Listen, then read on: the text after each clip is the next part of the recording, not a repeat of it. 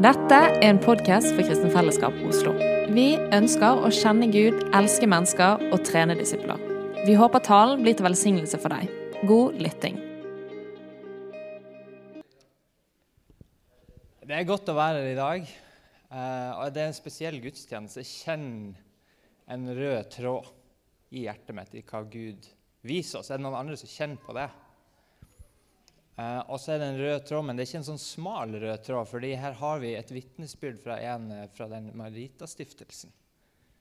Det vitnesbyrdet det traff meg hardt. Ikke fordi det ligner på mitt, men det er så sterkt å se noen som er så gjennomknust og som slutter med å si 'men nå er jeg lykkelig', som har funnet Jesus, som har funnet hjelp. Og så er det ekte. Er ikke det flott? Og så har vi, Det er på den sida der. Og så på andre sida så har du Samuel, som sier at 'mitt vitnesbyrd er at jeg har bare kyssa kona mi'. Og jeg tenkte Du får plass til så masse av Jesus imellom her. Så jeg tenker alle som er her, vi befinner oss sannsynligvis en plass imellom de to. Sannsynligvis. Kanskje er det noen lenger dit. Sannsynligvis er det ikke noen lenger dit. Men, men Gud er så stor, eh, og så kan du se det er forskjellig drakt, det er forskjellig smak, det er forskjellig fasong og innpakning og, og sånt, men det er Jesusliv på innsida. Er dere enige? OK. Um, er mange her som har kjent til Craig Rochelle? Pastor i Life Church, stor menighet i USA. Han er, er kjent uh, særlig for den bibelappen YouVersion. Uh, jeg husker en historie han fortalte enten i en bok eller i en podkast. Han sa at han skulle, være, han skulle preike i en menighet i byen, som ikke var hans menighet, men han var sånn gjestepreiker. da. Og så gjorde han alt rett. Han kom tidlig og tok folk i hendene og mingla litt på, på forhånd. Og så så han ei gammel dame i bilen utfor, utfor menighetslokalet. Og så hjalp han henne ut av bilen og fulgte opp trappa, for hun var litt dårlig til beins. Snakka med henne og liksom Var veldig flink. Og så, så sier jo ei gamle dame ja, ja, jeg gleder meg til å høre han gamle pastor eh, La oss si John. Gamle pastor John. Det er alltid så godt når han snakker. Så følger han henne videre opp og så sier han, ja, men du, pastor John han er på ferie i dag. Å ja, hvem er det som skal preike i dag? Og så sier Craig Rochelle ja, du, det er jeg som skal forkynne Guds ord. Så stopper hun og så ser hun opp på han og så sier du unge mann, tror du du kunne ha fulgt meg ned til bilen igjen? True story. Men i dag så har jeg holdt det hemmelig at jeg skal dele Guds ord, og vi har låst bakdøra. Og jeg har også vært med i lovsangen for sikkerhets skyld, sånn at ingen skulle ane at det her kom. Så nå sitter du godt i det. All right. Um, jeg er ikke helt sikker på hvor vi lander nå, men, men, vi skal ha en god porsjon Bibel. Det er bra. Og så tror jeg vi skal Jeg tror det er noe profetisk med det her. Det er lov å si, er det ikke det? Ja. Jeg tror det er noe profetisk med det her som kan treffe noen av oss litt ekstra. Hvis det gjør det, så ta imot. Ok? Men mitt håp er at uansett hva det er, så skal det ta oss nærmere Jesus. Uansett. Og Hvis det ikke gjør det, så har du min velsignelse. Du har min anbefaling om å børste av på vei hjem og ikke tenke mer på det. Men hvis det her tar deg nærmere Jesus, så hold fast på det og grunn på det. Og, gi det til Gud, og finn ut av det sammen med han. Ok? Så Jeg tenkte å begynne med å snakke om noe av det som utfordrer meg mest i Bibelen. Nå kan dere lure på hva det er. Eh, og Det kunne jo vært et vanskelig bud eller et eller annet ideal å leve opp til. eller noe sånt. Og Det fins jo noen av de som er vanskelig. Å elske sine fiender, f.eks. Det kan være vanskelig. Eller å alltid holde sin sti rein. Det kan jo også være vanskelig. Eh, men det som utfordrer meg mest, det er egentlig noen løfter som Jesus har gitt. Tenk på det. Det er gode løfter. Det er ikke fæle løfter. Det er ikke derfor de utfordrer meg. Men de er så ekstreme at det utfordrer meg når min erfaring ikke er helt i synk. Skjønner dere hva jeg mener? Og Jeg snakker spesielt om det Jesus sier til disiplene etter det siste måltidet, etter at Judas har blitt dismissed for å gjøre sitt verste. Når han er med den kjernen av folk som har fulgt ham så lenge, og de, deres respons på det han sier Wow, nå snakker du ikke lenger i lignelsene, nå snakker du rett ut. Og, og, Det er også på den tida at Jesus sier jeg kaller dere ikke lenger tjenere, men venner. Og det er en intim dialog. Johannes fra 13, særlig 14, 15 og 16. Og det som utfordrer meg der, det er at han er så tett på disiplene. Han går skulder til skulder. Han våkner opp i samme hus. Kanskje han lager frokost til dem. Han er hands on. Han legger hendene på bokstavelig talt og helbreder syke, men han er i livet deres. De kan se ham. Det er kjøtt og blod og dialog dag ut og dag inn, og også på natta. Så nært er Jesus. Ikke sant? Det høres bra ut. Men så sier Jesus at Hør her. Det beste for dere er om jeg går til far. Jesus sier det. Det er bedre for meg at jeg går til far, for da kan jeg sende talsmann på vegne av meg sjøl. Som verden ikke kan ta imot, men dere skal få når jeg har blitt herliggjort og gått til far og gjort mitt. Og Han kunne også sagt det er best at jeg går til far, for da kan jeg dø og stå opp, sånn at dere får evig liv og rettferdighet. Det er jo ganske sentralt. Jeg er glad for det. Er det noen som er takknemlig for det? Men det er faktisk ikke det han drar fram. Han sier det er best at jeg drar til far, for da kan jeg sende Den hellige ånd. Og det livet som vi har relasjonelt, mellommenneskelig her, det livet skal du få på innsida. Tror vi på det? Det er kanskje det mest radikale i hele Bibelen. Er det ikke det?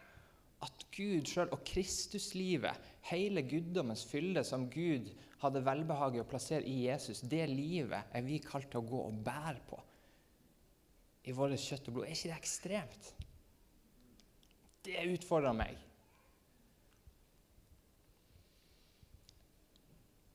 Og Jesus har noen sånne fine sitat i møte med både med en stor folkemengde, men også i møte med en fremmed kvinne, der han sier at den som tror på meg, skal få en kilde på innsida med levende vann. Og så kommenterer Johannes, da, som har vært med på den dialogen i Johannes 14, 15, 16 og for så vidt 17, at det her sa han om Den hellige ånd. Så hvis du lurte på hva det var, det er Den hellige ånd det er snakk om.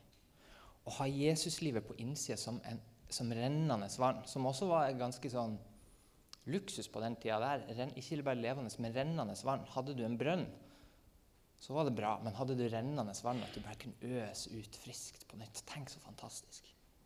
Vi er jo litt bortskjemt sånn i det naturlige på det i Norge. Men, men vann er viktig. Så det fins en sånn kilde, da. Det har jeg lest i Bibelen. Har dere lest det i Bibelen? Det fins et sånt liv med Jesus som egentlig er bedre enn å ha Jesus på sida av seg. Det står i Bibelen. Og vi ser frukten av det f.eks. i Paulus og Silas når de blir kasta i fengsel. Eh, og ikke for å ha brutt loven engang, men fordi de kasta ut en demon på en litt umusikalsk måte. Som ikke var så populært for de som tjente penger på denne demonen. Så blir de satt i et fengsel der det var grusomt å være. Men de har den kilden inni seg. Det snakka vi om sist på barnesamling. De har en kilde på innsida. Og det, det, Mitt retoriske spørsmål før jeg snakker om kildene, var hvordan til de her barna på barnesamling. Hvordan hadde vi reagert hvis vi ble satt i fengsel? Det er et spørsmål. Men hva var det som gjorde at Paulus og Silas reagerte med lovsang og bønn? Som var så sterk at alle lenkene i fengselet ble knust, ikke bare de egne. tenkte jeg. Og barna var på. Ungene våre er på. For de sa det var Jesuslivet. Det var Jesus inni.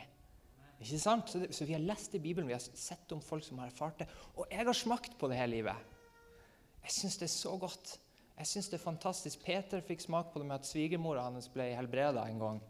Så har jeg tenkt, Det er ikke sikkert eh, alle hadde satt pris på det i den konteksten. Nei, Jeg hadde blitt glad hvis min svigermor ble helbreda. Hun er en bra dame. Jeg vet ikke hvordan det var for Peter, men, men på godt og ondt så hadde de liksom Guds godhet rundt seg og etter hvert i seg. Ok? Og jeg sjøl, Det er ikke alle her som vet det, men jeg hadde når jeg gikk på grunnskolen, så hadde jeg eh, i snitt 60% fravær pga. sykdom. Det er ganske drøyt. Ikke det vi skal snakke om i dag. Men jeg har smakt hvordan det ser ut når Gud griper inn og snur om på noe som legene ikke kan fikse. Og tar bort allergi. Og tar bort astma og greier. Som gjør at, eh, at livet blir ganske annerledes. Jeg har smakt på det. Og jeg har lagt hendene på syke og sett at de har blitt friske. Og jeg tror også at det du blir satt fri for, det har du en autoritet til å gi videre. Jeg smakt av det her. Men det er allikevel det som utfordrer meg mest. Fordi jeg står i et spenn av at jeg har sett, jeg har smakt, jeg har erfart, jeg har levd i litt av det. Men jeg er ikke i mål. Er det noen her som er på en måte mett? Som tenker at yes, skru ned krana nå, Jesus. Det er nok trøkk. Nå lugner vi ned litt. Er det noen som kjenner det? For Hvis det er det, så må jeg gå en annen plass, for da er ikke dere i målgruppa. Jeg har lyst til å snakke til dere som, som enten har hørt om, eller lest om, eller sett eller kjent litt, men som har lyst på mer av det her livet. Er det noen sånne her? OK. Yes. Så bra. Men hvordan er det Gud ser på oss, da? Og hvor, og hvor, og hvor vi er? Hvordan ser Gud på Kjartan? Jeg tror han er glad når han ser på Kjartan. Ble, ble, ble nervøs? Men det er noe med Jeg har kjent ofte på det når du føler at du er ute av synk, eller når du lengter etter noe mer, så er det fort å bli frustrert, og det, man kan også bli bitter, og man kan bli motløs. Eh, men svaret på det er ikke å ignorere frustrasjon eller å kutte av lengsel eller å slå seg til ro med det man har. Svaret er å stå i det spennet mellom den takknemligheten over det vi har fått, alle sammen, og det Gud fortsatt har for oss. Å stå i det og rope til Gud. Og vi har et liv på innsida som bare bruser som vil ut. Det er realiteten. Det står ikke 'Han som tror på meg', eh, som Skriften eh, sier, så skal det komme hos noen en liten kran, liksom fislete dråper her og der, og andre skal ha høytrykksspyler. Nei, nei, det er det samme trykket. Det er for oss. Så det er så fint. Det står i Jakobs brev i starten. trenger ikke å slå det opp. Der står det bl.a. om hvis noen mangler visdom, så skal han be til Gud, som gir villig og uten å bebreide. Det er en sånn Gud vi kjenner. Vi kan gå til han med våre lengsler så kan vi si «Åh, jeg lengter etter det her. Og han er ikke sånn 'Det bebreider jeg deg for. Det der burde du ha fiksa før du kom til meg. Skjerp deg.' Nei, nei, nei. Han sier, 'Du, så fint at du sier det. Jeg vil også gi deg mer.' 'Jeg skal villig gi deg uten å bebreide deg.' Come on. Vi kjører det her sammen. Ikke sant? Er ikke det bra? Så når vi er ute av synk, så kan vi be til Han som villig gir, og Han som ikke bebreider oss. Og Nå skal jeg lese noe rart fra 2. Korinterne 7, fra 8 til 11. Og Jeg liker ikke å ta Bibelen ut av kontekst, derfor må jeg fortelle litt hva det egentlig handler om. Uh, her er situasjonen at uh, Paulus har skrevet et ganske strengt og hardt brev til korintermenigheten, der han har refsa dem for grov umoral og synd. Og Den saken skal vi ikke gå inn på nå. Men poenget er at nå skriver han et brev etterpå, og så kommenterer han hva er det han har gjort. Han har liksom sendt et brev som gjorde at de ble lei seg, fordi de skjønte at de var ute av synk. Så her er Paulus sin kommentar etterpå. og Da skriver han selv om jeg gjorde dere sorgfulle med brevet mitt, angrer jeg ikke. Om jeg angret før fordi jeg vet at brevet gjorde dere sorgfulle for en tid, så er jeg nå bare glad. Ikke fordi jeg gjorde dere bedrøvet, men fordi sorgen drev dere til omvendelse. Er ikke det bra? For dette var en sorg etter Guds vilje, altså har vi ikke gjort dere noen skade. En slik sorg fører til omvendelse og frelse, og det angrer ingen. Stopp, litt her. Hvis du får en sorg som driver deg til omvendelse, så tar du ikke skade av den sorgen. Det er godt nytt for deg. For noen ganger er det sånn Oi, det er sorg. Det er en negativ følelse. Det er, det er liksom på venstre side av denne Uralfjellene midt i eh, det, det, sorterer vi bort. Nei, nei. Hvordan sorg er det her? Er det en sorg i mitt hjerte over at oh, Gud har kalt meg til så masse mer, nå er jeg her borte? Og det, det driver meg til en omvendelse. Ikke bare bort. Omvendelse ikke bare bort fra det gamle, men det er omvendelse til Jesus. Hvis du opplever en sorg, eller hvordan som helst følelse, som driver deg til en omvendelse mot Jesus, takk Gud for den følelsen. Det tar du ikke skade av. Du trenger ikke gå i terapi for den sorga var så dyp, for den sorga, den er fra Gud, og han veit hva han gjør. Yes. En slik sorg fører til omvendelse og frelse, og det angrer ingen. Amen. Men sorg som er av denne verden, fører til død. Se for en iver denne sorgen etter Guds vilje skapte hos dere. Ja, se bare hvordan dere forsvarer dere. Det er jo ikke alltid relevant, men her er det det. Og hvor opprørte dere er, og hvordan dere viser ærefrykt, og hvordan dere lengter. Hvor brennende dere er, og hvordan dere refser. Wow! Vi må, vi må bli gode på å påføre hverandre litt sånn sorg. Som gjør at vi blir ivrige og brennende, og som vi lengter etter Jesus. Det er ikke farlig, det. Kan gjøre litt vondt. Eh, men det går bra. Ok, Så frustrasjon og prosess og lengsel kan være veldig bra. Er vi med på det? Det er ikke alltid bra å ha sorg, det er ikke alltid bra å være frustrert. Eller for å si det sånn, Hvis du alltid er frustrert, så er det ikke bra. Men, men det å stå i spennet, det er akkurat det vi er kalt til. Som, som, det å være et apostolisk arbeid. altså Vi kommer fram og demonstrerer noe, et liv, og vi står i et spenn, og det er et styr av og til. Men vi er kalt til å være akkurat der. Yes. Så Nå kommer dagens første quiz. Nå kommer et sitat, og så skal eh, Per Philip få gjette hvem som har sagt det. Det er et lurespørsmål. Jeg kan advare deg med det.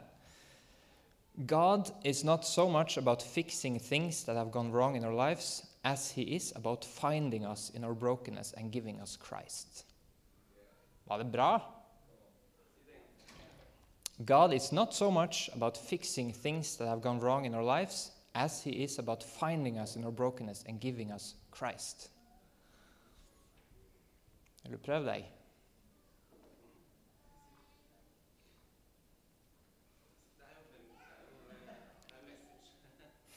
Nei, det er, det er, Frank Viola.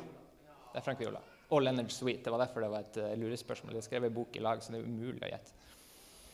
Men Gud er ikke så opptatt av å fikse ting i oss. Men han er opptatt av å finne oss der vi er nedbrutt, og gi oss Jesus. Okay? Det, sånn, det, høres ut som en litt sånn quick fix til alle ting, men det er jo ikke alltid quick, men det er en fix til alle ting. Og det er Guds løsning på alle våre greier, det er å gi oss Jesus. Ok. Uh, ofte så snakker Gud til meg gjennom merkelige ting som jeg ikke finner i Bibelen. og Hvis Gud gjør det til deg òg, så må du være på vakt av og til og dobbeltsjekke med Bibelen, sånn at det ikke går helt av skaftet. Men vær åpen for at Gud kan tale til deg gjennom uh, merkelige ting. Så nå kommer en sånn. Er dere klar for det? Er det noen som kjente uttrykket 'director's cut' i filmverdenen? Altså, eh, Typisk er Star Wars, når han solo blir jakta på av eh, Boba the Fett, og det er liksom eh, kaos, så er det jo så masse uenighet om var det, var det han solo som skjøt først. Han var liksom good guy. Eller skjøt han kun i selvforsvar? Og Der har de lagd mange sånn directors cut, der regissøren har kommet og lagd en ny versjon av filmen.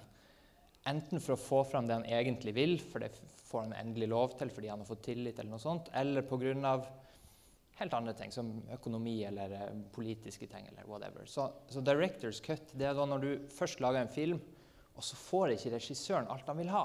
Kjartan er regissør. Jeg bruker Kjartan til eksempel på alt i dag, så er, det, så er det greit. Ja, det var det jeg tenkte. Kjartan lager en film, og så, og så er han liksom ny sånn up and coming regissør. Han har ikke så masse filmer på, på liksom eh, CV-en sin. Så når han tar de mest kontroversielle avgjørelsene, så sier produsenten, han som sitter på pengene, sier, nei, du får ikke lov å slutte sånn, vi må ha happy ending. Og da er det pengene som bestemmer. ikke sant? Men så, tre år senere, så er Kjartan liksom wow, big shot, Hollywood director.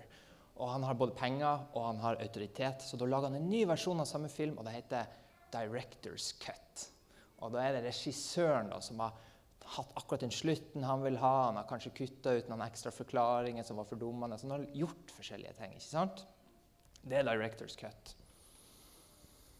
Og jeg syns det er litt interessant, da, fordi eh, det er en film som eh, Jeg har en veldig god kone, da, eh, Birgitte. Og vi har nettopp sett Justice League, DC Comics. Det er jo ganske drøyt i seg sjøl å se det med kona. Men vi så da Directors Cut, fordi vi har sjekka vi, vi, gjør alltid research på filmer. Hvor god rating har de? Hvilken terningkast har de? Hvor bra er de på IMDb? Og da så vi første Justice League har sånn seks eller noe av ti. Det er dårlig. Det gidder vi ikke å se. Og så så vi ja, men her er jo samme filmen på nytt. Zack Snyders Justice League, Directors Cut. Den er åtte av ti. Og den varer fire timer og to minutter. Og Birgitte så hele med meg. Er ikke det rått? Men skjønner du, her er det samme film. ok? Det er samme skuespillere. Det er samme plott i grove trekk. Det er samme ting som skjer, men på den ene eh, så er det liksom omstendigheter og økonomi og ting rundt som får lov å sette styringa på hvordan ting ender opp. Mens på den andre så kan regissøren komme inn og gjøre det til noe magisk. Er dere med? Og i mitt hjerte, da, så har, det, så Gud talt til meg om at det her gjør Gud hele tida. Tenk på vitnesbyrdet fra Maritastiftelsen. Det er ganske masse ingredienser der til å lage en skrekkfilm. Til å lage noe forferdelig som man bare mister motet av. Som smitter over all elendigheten. Men her hører vi, vi sitter igjen med en glede. Kanskje er vi rørt, kanskje det sorg som driver oss til omvendelse. og den biten der. Men det, vi sitter igjen med en glede og en takknemlighet over Jesus. Ikke sant? Og Bibelen gjør det her. Altså, Bibelen fant opp Directors Cut. Hør på historien om Sara. Ja, på denne tid neste år så skal du ha en sønn. Ha-ha-ha, sa hun. Eh, men i hebreerne så står det Sara trodde Herren. Er ikke det rått? Og så tenker jeg når jeg leser ja, hun gjorde jo det, men først så sånn og sånn, sånn. Directors cut. Men det er sant. Og det skjer i Bibelen det skjer så mange ganger eh, at det står en profeti om Eller det står egentlig en, en, noe som blir referert av profetene. Fra Egypt kalte jeg min sønn. Det handler jo primært om israelsfolket som blir dratt ut av slaveriet. Og Så kommer Matteus og sier ja, men Jesus var jo på flukt i Egypt. Og så kom han tilbake, og da ble profetien oppfylt. Fra Egypt kalte jeg min sønn. Directors cut. Her kommer det noen inn som har fått en åpenbaring fra Jesus og som sier at det greiene der Jo da, det skjedde jo for så vidt. Vi har det råmaterialet, vi har de karakterene. Men det handler egentlig om stort sett Jesus. Ikke sant? Er ikke det kult? Så her er liksom den oppmuntringa jeg har. og Hvis det treffer deg, så ta nå imot på ordentlig. Jeg tror det er noen her som ikke kjenner seg igjen i Samuels vitnesbyrd. På en eller annen måte, på enten det har med relasjoner, og kjærlighetsforhold og, og, sånt å gjøre, eller på helt andre plan. Og som tenker at åh, det er så mange scener i mitt liv jeg skulle ha sletta. Det er så masse greier som ikke ble så bra. Men vi kjenner Han som har regien ikke bare på vårt liv, men på menighetens historie og på verdens historie, som har utvalgt oss i Kristus før verdens grunnvoll ble lagt. Kan vi ikke la ham få siste ord, da? Jeg mener det. Jeg mener det når du tenker på deg sjøl. Ikke la Satan sette premisset. Ikke la han tolke det du har vært ute for. Slutt. Spør Jesus hva var det som skjedde der. Hva har du for meg i enden av det her? Det jeg står i nå, hva er det du vil gi meg? Og det er alltid bra. Er vi med? Så, og, og, helt på ordentlig skal du se Justice League, se Directors Cut av Zack Snyder. Jesuslivet det et, det er et liv i respons. Er vi enige i det? Min datter har lagd en fantastisk sang som heter 'Det viktigste for meg'. Og Den har eh, vers som er ganske lik, men slutten er forskjellig på hvert vers. Det er sånn, det viktigste for meg er hva Jesus vil. Og så neste vers. Det viktigste for meg er hva Jesus gjør. Ikke det bra? Eh, og det viktigste for meg er hva Jesus syns. Men i dag på vei inn så snakka vi om at vi må lage et vers fire før sangen er klar for Spotify. Og det er det viktigste for meg er hvem Jesus er. Og så er refrenget 'Derfor er jeg frimodig'. Altså Mer profetisk sang skal du lete lenge etter. Det er fantastisk! For vi kan ha stunder der vi er takknemlige for det Gud akkurat har gjort. Vi kan ha stunder der vi opplever at vi er i synk med det han syns, eller det han vil, eller det han gjør. Men faktisk ikke alltid. Men det vi alltid kan, det er å leve i respons til den Jesus er. For oss, i oss, gjennom oss i møte med andre. Den er stabil. Det er ingen eh, jordskjelv på den greia der. Skjønner du hva jeg mener?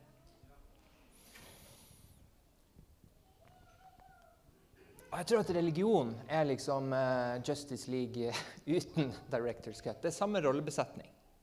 Samme ingredienser. Det handler om Gud, det handler om Jesus er med. Han er nevnt. Og det handler om rettferdighet. Viktige ting, gode ting som er veldig sentrale. Men rekkefølgen og regien på det hele er helt. I religion så handler det om hva jeg kan få til. Og bare håp til Gud at det er godt nok, så kanskje han gir meg noe i respons. Men jeg veit ikke. Det er et fengsel. Hæ? Mens Jesuslivet i respons handler om at jeg er frimodig ikke fordi jeg nailer alt i dag, men for Jesus er den han er. Og han er i meg, og han flytter ikke ut med det første. Skjønner du? Jesuslivet er motsatt av religion, for det handler om at jeg lever i takknemlighet til det Jesus har gjort for meg. Og det mest konkrete, hvis du vil ha, Jeg kommer ikke til å gi deg noe sånn steg 1, 2, 3 for å bli en bedre disippel. Det mest konkrete du kan gjøre for disippellivet ditt, for veksten din, for naboen din og kona di og ungene dine og sjefen din, det er å se litt mer av hvem Jesus er. For det er en uunngåelig respons. Er du med? Hvis du ser på Jesus, så kommer du veldig langt. ok? Og En av de fineste responsene synes jeg da i Bibelen på, på, hvem Jesus er, det er denne kvinna med en alabastkrukke som knuser den for føttene til Jesus. Hun bryter alle regler, både sosiale regler og Det var en utrolig dum måte å investere pengene på, var det en som påpeka, men det var Judas som sa det. Eh, men hun brydde seg ikke om konsekvenser på sikt for hennes økonomi. Hun brydde seg ikke om hva folk syns. Hun brydde seg ikke om at det ble søl på gulvet. Hun brydde seg om at her er han, og jeg vil gi han det mest dyrebare jeg har. Det er respons. Er ikke det flott? Altså, jeg har sett faktisk, Det er jo en slags by the way, men ta imot det likevel. Det her med krukker som inneholder ting, det er en gjenganger i Bibelen. Så når du leser Guds ord, ta se litt etter det. Se etter leire og leirkar og leirkrukker det står at vi har denne skatten, og denne skatten er denne kilden på innsida som vi snakker om. Den har vi i leirkar. Vi er leirkar, vi er skrøpelige, vi har våre greier og issues. Men skatten er inni der, ikke sant? Og Mange av oss har lest en bok av Watchman 9 som heter 'The Release of the Spirit'. og Den går ganske langt i å si at problemet ditt er ikke mangel på liv på innsida. Problemet er at du ikke tør å bli brutt og bli knust for å slippe det ut. Ikke sant? Og så til slutt, da. Gideon med sine 300. Husker dere strategien fra Gud, hvordan han skulle vinne over eh, Er det Midianitta? Jeg tror det er Midianitta han skal vinne over. Og det er haugevis av de, tusenvis. Og han har fått med seg, etter en litt sånn hard utvelgelsesprosess, så sitter han igjen med 300 stykk. Ut ifra hvordan de drakk ifra vannet, blir de valgt ut.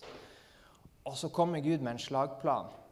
Og Det første han gir, er utstyrsliste, og de mangler sverd og bue og skjold og rustning. Men han sier det du trenger. Du trenger noen fakler. Trenger ild. Og så trenger du noen krukker du kan gjemme deg i.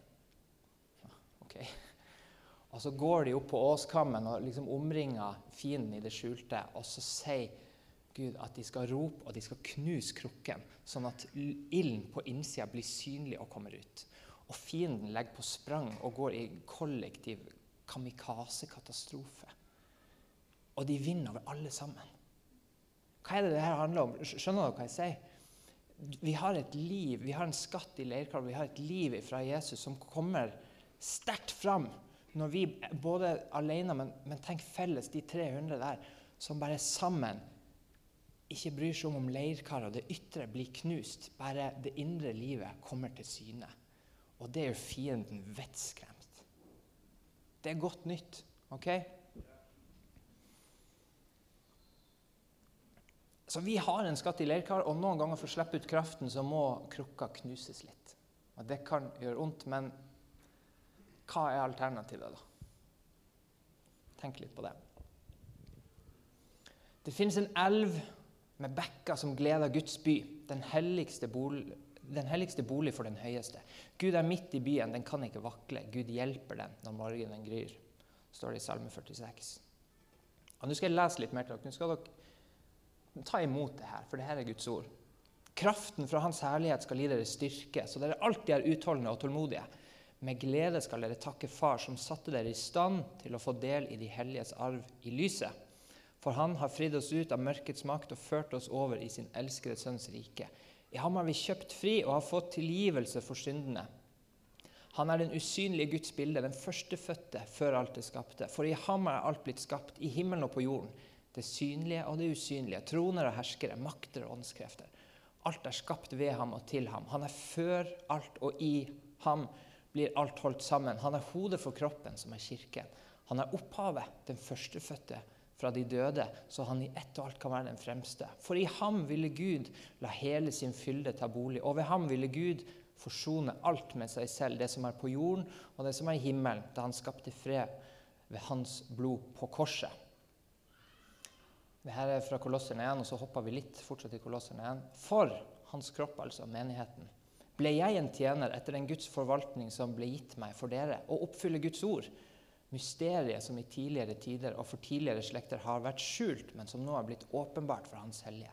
For dem ville Gud gjøre kjent hvilken rikdom av herlighet som ligger i dette mysteriet blant hedningene. Det er Kristus i dere, håp om herligheten. Ham forkynner vi, og vi formaner å lære hvert menneske i all visdom, for at vi kan fremstille hvert menneske fullkomment i Kristus Jesus. Yes, come on! Det er så rått. Hele guddomsfylden bor i Jesus, og det er Guds gode vilje at vi skal ha Jesus i oss, og at vi for sikkerhets skyld skal bli plassert i Jesus igjen. Uansett hvordan du snur og vender på meg og på deg og på oss som folk, så er det Jesus. Og En plass står det vi kjenner ikke lenger hverandre på menneskelig vis. Og har vi før kjent noen på menneskelig vis, så gjør vi det ikke nå.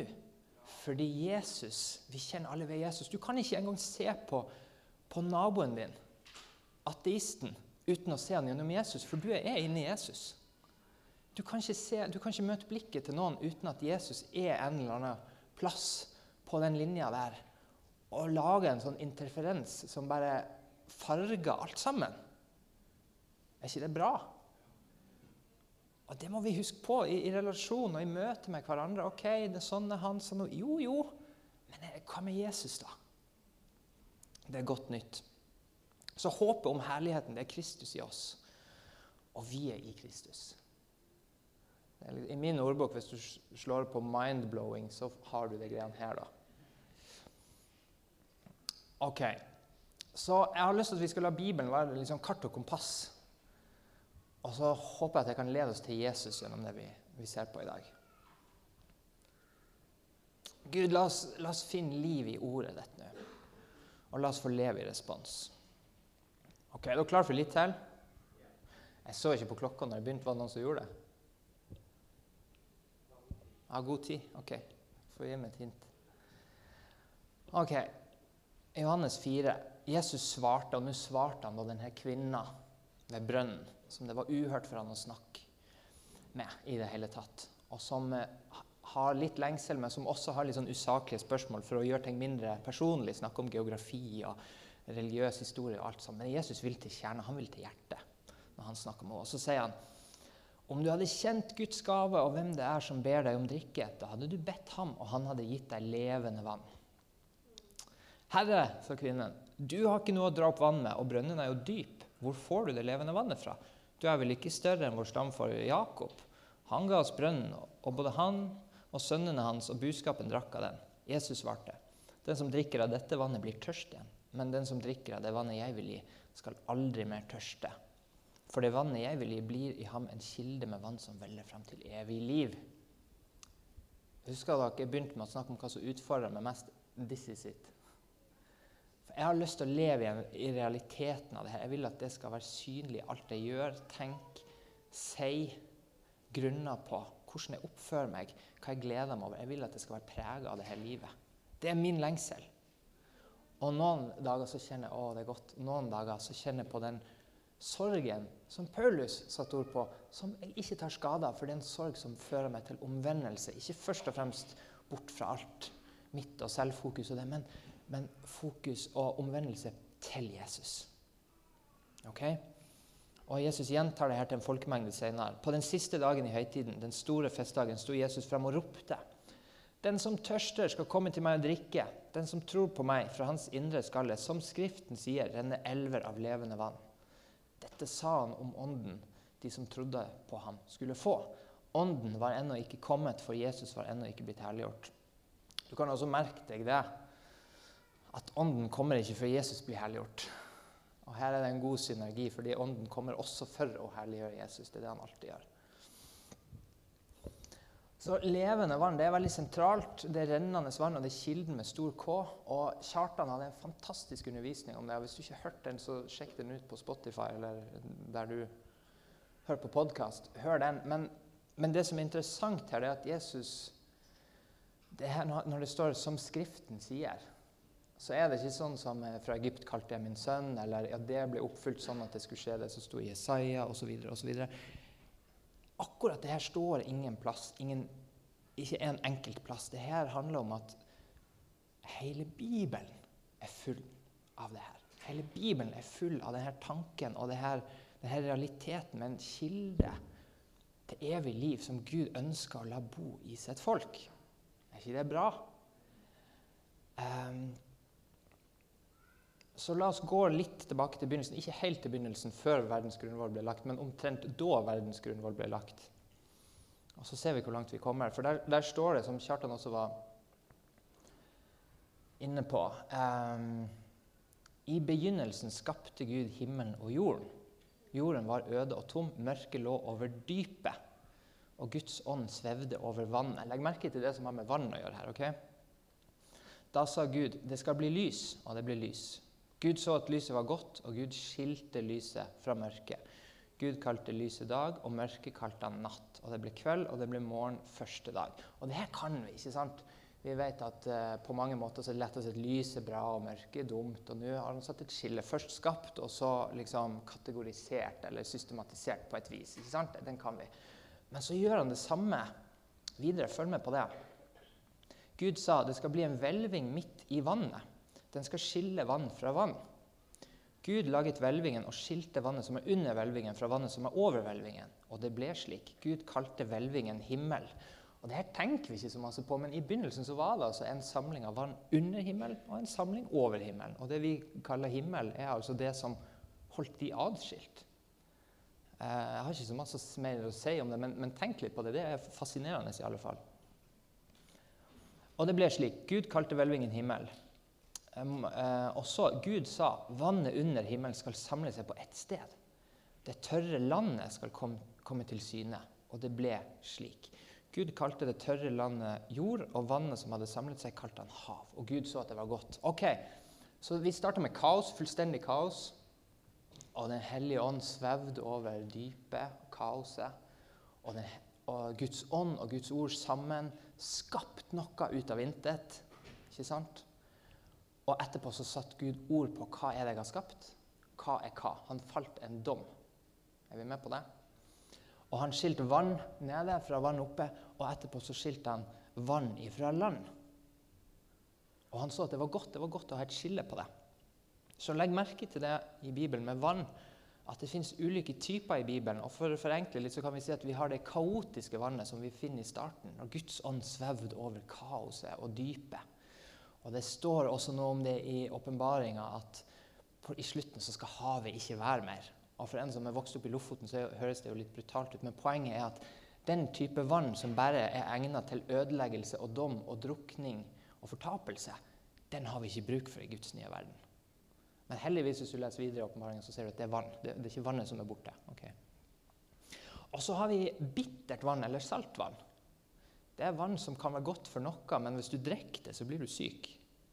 Ok? Er det noen som har hatt sånt vann i livet? Tenk som du på en måte kan bruke det til noe, men hvis det er det som er ditt daglige brød, så går det veldig dårlig. Er det noen som har opplevd sånn vann? Og så har du friskt vann. Og det er litt interessant, fordi på hebraisk så kaller de det egentlig for søtt vann.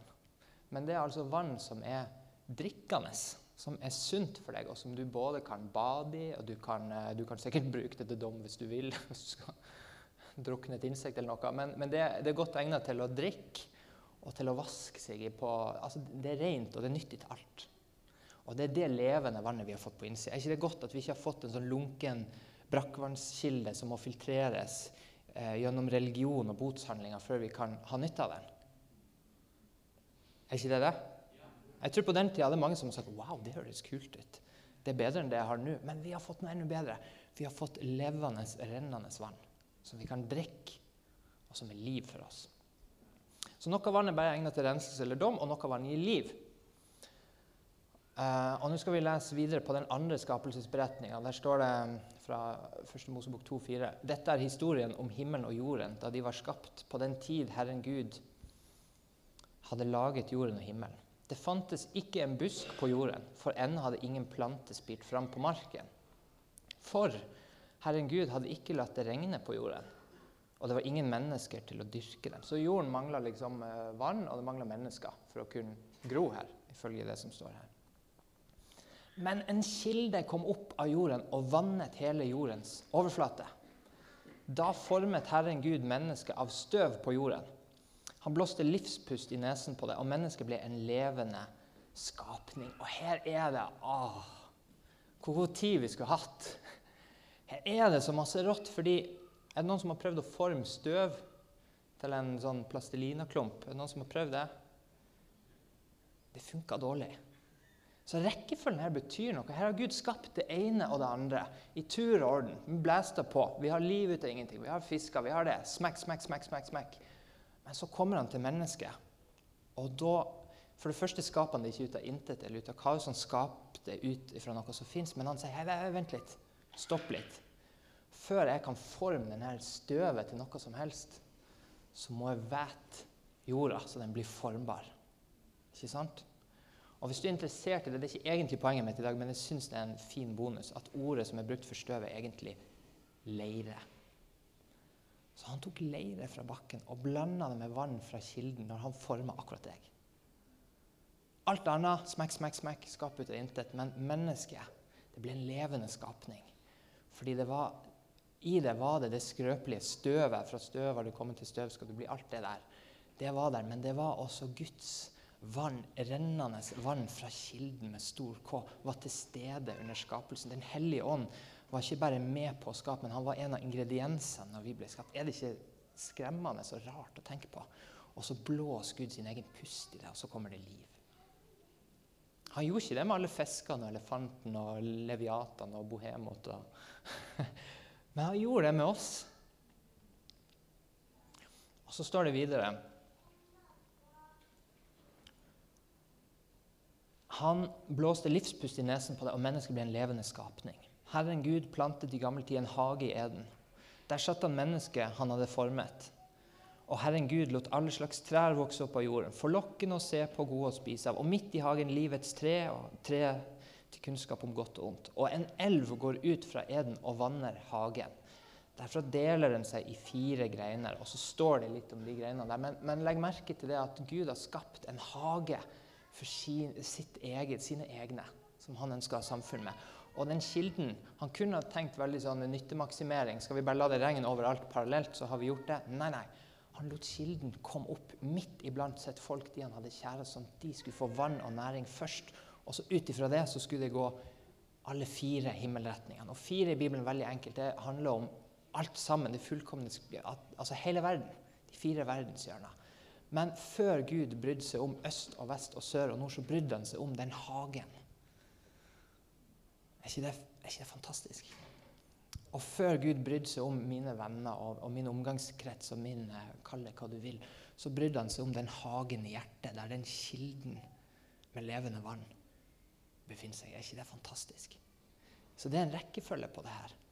Og det her holder oss ydmyke, og det her holder oss på en god armlengdes avstand fra religion som sikkert ville skrudd på sprinkelanlegget på alle andre først. Men her er vi Nei, nei, vi må vanne hagen. Og så kan det renne ut ifra det. Hvis vi hadde hatt bedre tid, så kunne vi ha sagt masse om de her eh, forskjellige elvene som renner ut. Men, men det, det, vi i hvert fall kan si, da, det er at en av de her greinene, de, Gihon, det ble da eh, etter hvert hovedvannkilden til Jerusalem, den hellige by. Og det er jo naturlig det at en av de her fire de gikk til liksom, hovedsetet for Guds folk. Men de tre andre de går til landområder der israelsfolket var i fangenskap. Er ikke det rått? Så til og med når Jesus var i Egypt og var slaver, så gagna det farao. Det gagna Egypt når de var bortført. Og det står, eh, når, når, de satt og gråt ved Babylon, så står det ja, vi vil bare hjem og vi vil bort. Så sa de nei, nei, nei. Eh, slå ned teltpluggene, bygg byer her. For når det går godt for dere, så skal det gå godt med byen dere. Det er et sånt prinsipp og en sånn realitet i Gud at den kilden som vanner hagen først, den skal videre. Den skal til Egypt, den skal til Babylon, den skal til Asyria. Om det betyr at du må tas til fange der for at de skal få smake det, så, så so be it. For kilden skal ut. Og det her er gode ting. Er vi med på det?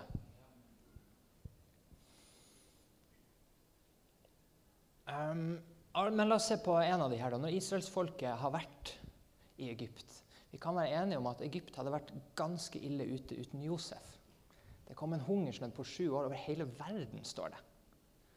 Men pga. én mann Jesus selvfølgelig, men pga. Jesus som hadde tenkt ut å sende Josef dit, så hadde de en plan som gjorde at de hadde overflod, mens hele verden hadde katastrofe. Og nok både til seg sjøl og til naboland. Er ikke det flott? Det var fordi Josef ble sendt dit, og det gagna Egypt. Og så ble det hardt for israelsfolket, og Gud sendte Moses og sa nå har jeg hørt ropet fra mitt folk, nå skal de ut av slaveriet, nå skal de ut og tilbe meg. Men på denne ferden så ser vi at uh, Israelsfolket møter kilden. De møter vannet i forskjellige varianter. Den første som jeg bare nevnte som en apropos, som ikke er poenget, men som er interessant, det er at Moses sjøl ble berga i elva. Er ikke det litt kult? Han ble berga fra sin egen død i ei elv som førte han til eh, faraos slott, og han ble adoptert av prinsessa ved hjelp av ei elv. Gud kunne gjort det på mange måter, men jeg liker at han brukte elv.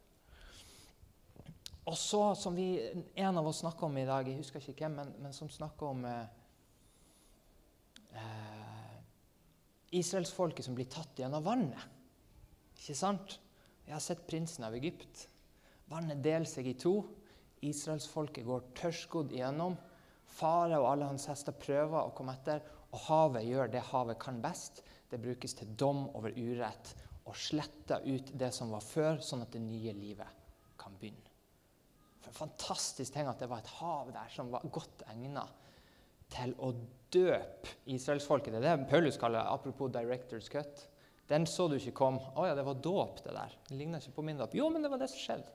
Når du ble døpt. Du ble tatt gjennom havet og sto opp, og alle faraos hester på andre siden i det gamle livet de kan aldri i evighet nå deg. Det er dåp. ikke sant? Så de møtte, de møtte det vannet, men så skjer det noe mer. De møtte to typer vann til. Følg med nå. Det her er veldig kult. Andre Mosebok 15. Nå har de akkurat gått gjennom vannet. Tenk deg stemninga. ikke sant? Bare wow! Vi har vært slaver i 400 år, sånn seriøst. Og vi har liksom gått tørrskodd gjennom Sivsjøen, og der drukna de. Og yes, nå Nå kjører vi. Ikke sant? Og Arons søster Miriam, som var profet, tok en tromme i hånden, og alle kvinnene fulgte etter henne og slo på tromme og danset. Miriam sang i vekselsang med dem. Syng for Herren, for han er høyt opphøyd. Hest og rytter kastet han i havet. Det er stemninga. Det er tromme, og det er fest. og Jeg vet ikke om de hadde flagg, men noe var det. De gikk tre dager i ørkenen uten å finne vann etter det. Så kom de til Mara, men de kunne ikke drikke vannet i Mara fordi det var bittert. Derfor ble stedet kalt Mara. Folket klaget til Moses og sa, 'Hva skal vi drikke?' Og det her, vi, vi har jo, Jeg vet ikke om vi har det mest fra film eller bibelhistorie, eller faktisk fra Bibelen, men vi har jo et sånt bilde av at israelsfolket klager og sutrer ganske masse i ørkenen. Men det her er første gangen det står at de begynte å klage. Og Det var tre dager etter at de hadde gått gjennom havet. Da kom den første liksom, grumbling fra israelsfolket. Da ropte han til Herren, og Herren viste ham et tre. Det kastet han i vannet. Og vannet ble friskt. I Mara fastsatte han lov og rett for folket, og der satte han dem på prøve. Han sa, hvis du fullt og helt adlyder Herren i Guds røst og gjør det som er rett i hans øyne, lytter til hans bud og holder alle hans forskrifter, da skal jeg ikke legge på deg alle de sykdommene jeg la på egypterne, for jeg, Herren, er den som helbreder deg. Siden kom de til Elim. Der var det tolv vannkilder og 70 daddelpalmer. Og de slo leir. Det er bra med dadler. Men, men altså Her er en utfordring til deg. Lykke til hvis du åpner hjertet ditt, lykke til med å lese om de tre dagene om treet. Uten å tenke på Jesus, på korset og hva han har gjort for oss. Her er de, de har gått igjennom, de har, blitt død, de har dødd og blitt begravd med Kristus og stått opp til et ny, nytt liv. Og så var ikke alt bare enkelt allikevel. Og de opplever at ja, OK, det vannet berga meg, og her er det et vann òg, jeg kan kanskje bade i det, men det er giftig for meg, og det er bittert, og alt er fælt. Gud! så blir vannet friskt igjen. Når treet kommer i kontakt med det.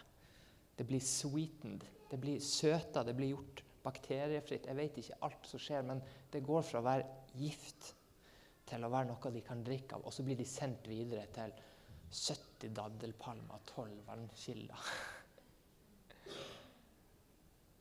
Jeg vet ikke om det bare er jeg som syns det her er rått, men jeg, jeg, det her treffer meg så hardt.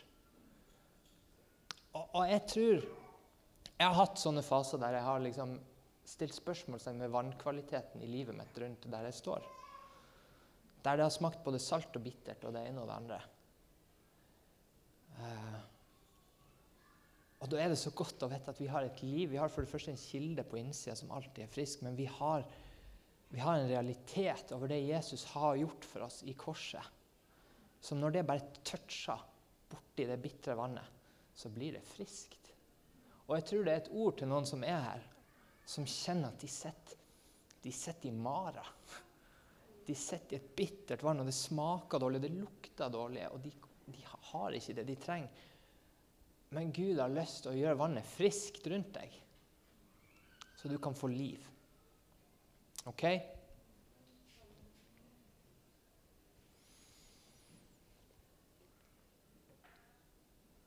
Dere har tatt imot Kristus, sier Paulus i Kolossene 2. Dere har tatt imot Kristus Jesus som Herre. Lev da i ham, vær rotfestet i ham og bygd på ham. Hold fast ved den tro dere er opplært i, med overstrømmende takk til Gud. Pass på at ingen får fanget dere med visdomslære eller tomt bedrag som stammer fra menneskelige overleveringer og fra grunnkreften i verden, og ikke fra Kristus. For i hans kropp bor hele guddomsfylden, og i ham som er hodet for alle makter og åndskrefter, har dere fått denne fylden i ham ble også dere omskåret, ikke av menneskehender. Dere ble omskåret med Kristi omskjærelse da dere kledde av dere den kroppen som kjøttet har makten over. For i dåpen ble dere begravet med ham, og i den ble dere også reist opp med ham ved troen på Guds kraft, han som reiste Kristus opp fra de døde. Dere var døde pga. misgjerningene deres og deres uomskårne kjøtt og blod. Men han gjorde dere levende sammen med Kristus da han tilga oss alle våre misgjerninger Gjeldsbrevet mot oss slettet han, det som var skrevet med lovbud. Han tok det bort fra oss da han naglet det til korset. Han kledde maktene og åndskreftene nakne og stilte dem til spott og spe da han viste seg som seierherre over dem på korset. Og lukk øynene og se for deg alt gjørme og drit og elendighet rundt deg bare bli frisk pga. én ting. Det er det Jesus har gjort. Det, er ikke, det her er ikke symbolspråk. det her er ikke en lignelse eller liksom Aesops fabler. Dette er en realitet. Det du ser rundt deg, er bare en skygge av det som egentlig skjedde i det Jesus gjorde. Okay? Den som tørster, skal komme til meg og drikke. Den som tror på meg fra hans indre, skal som Skriften sier, renne elver av levende vann. Dette sa han om ånden de som trodde på ham, skulle få. Den som drikker av det vannet jeg vil gi, skal aldri mer tørste. For det vannet jeg vil gi, blir i ham en kilde med vann som veller fram og gir evig liv. Kanskje vi svarer sånn som hun gjør. Herre, gi meg det her vannet, så jeg ikke blir tørst igjen. Herre, gi meg det her vannet, så jeg ikke blir tørst igjen. Herre, gi oss det her vannet, så vi ikke blir tørst igjen.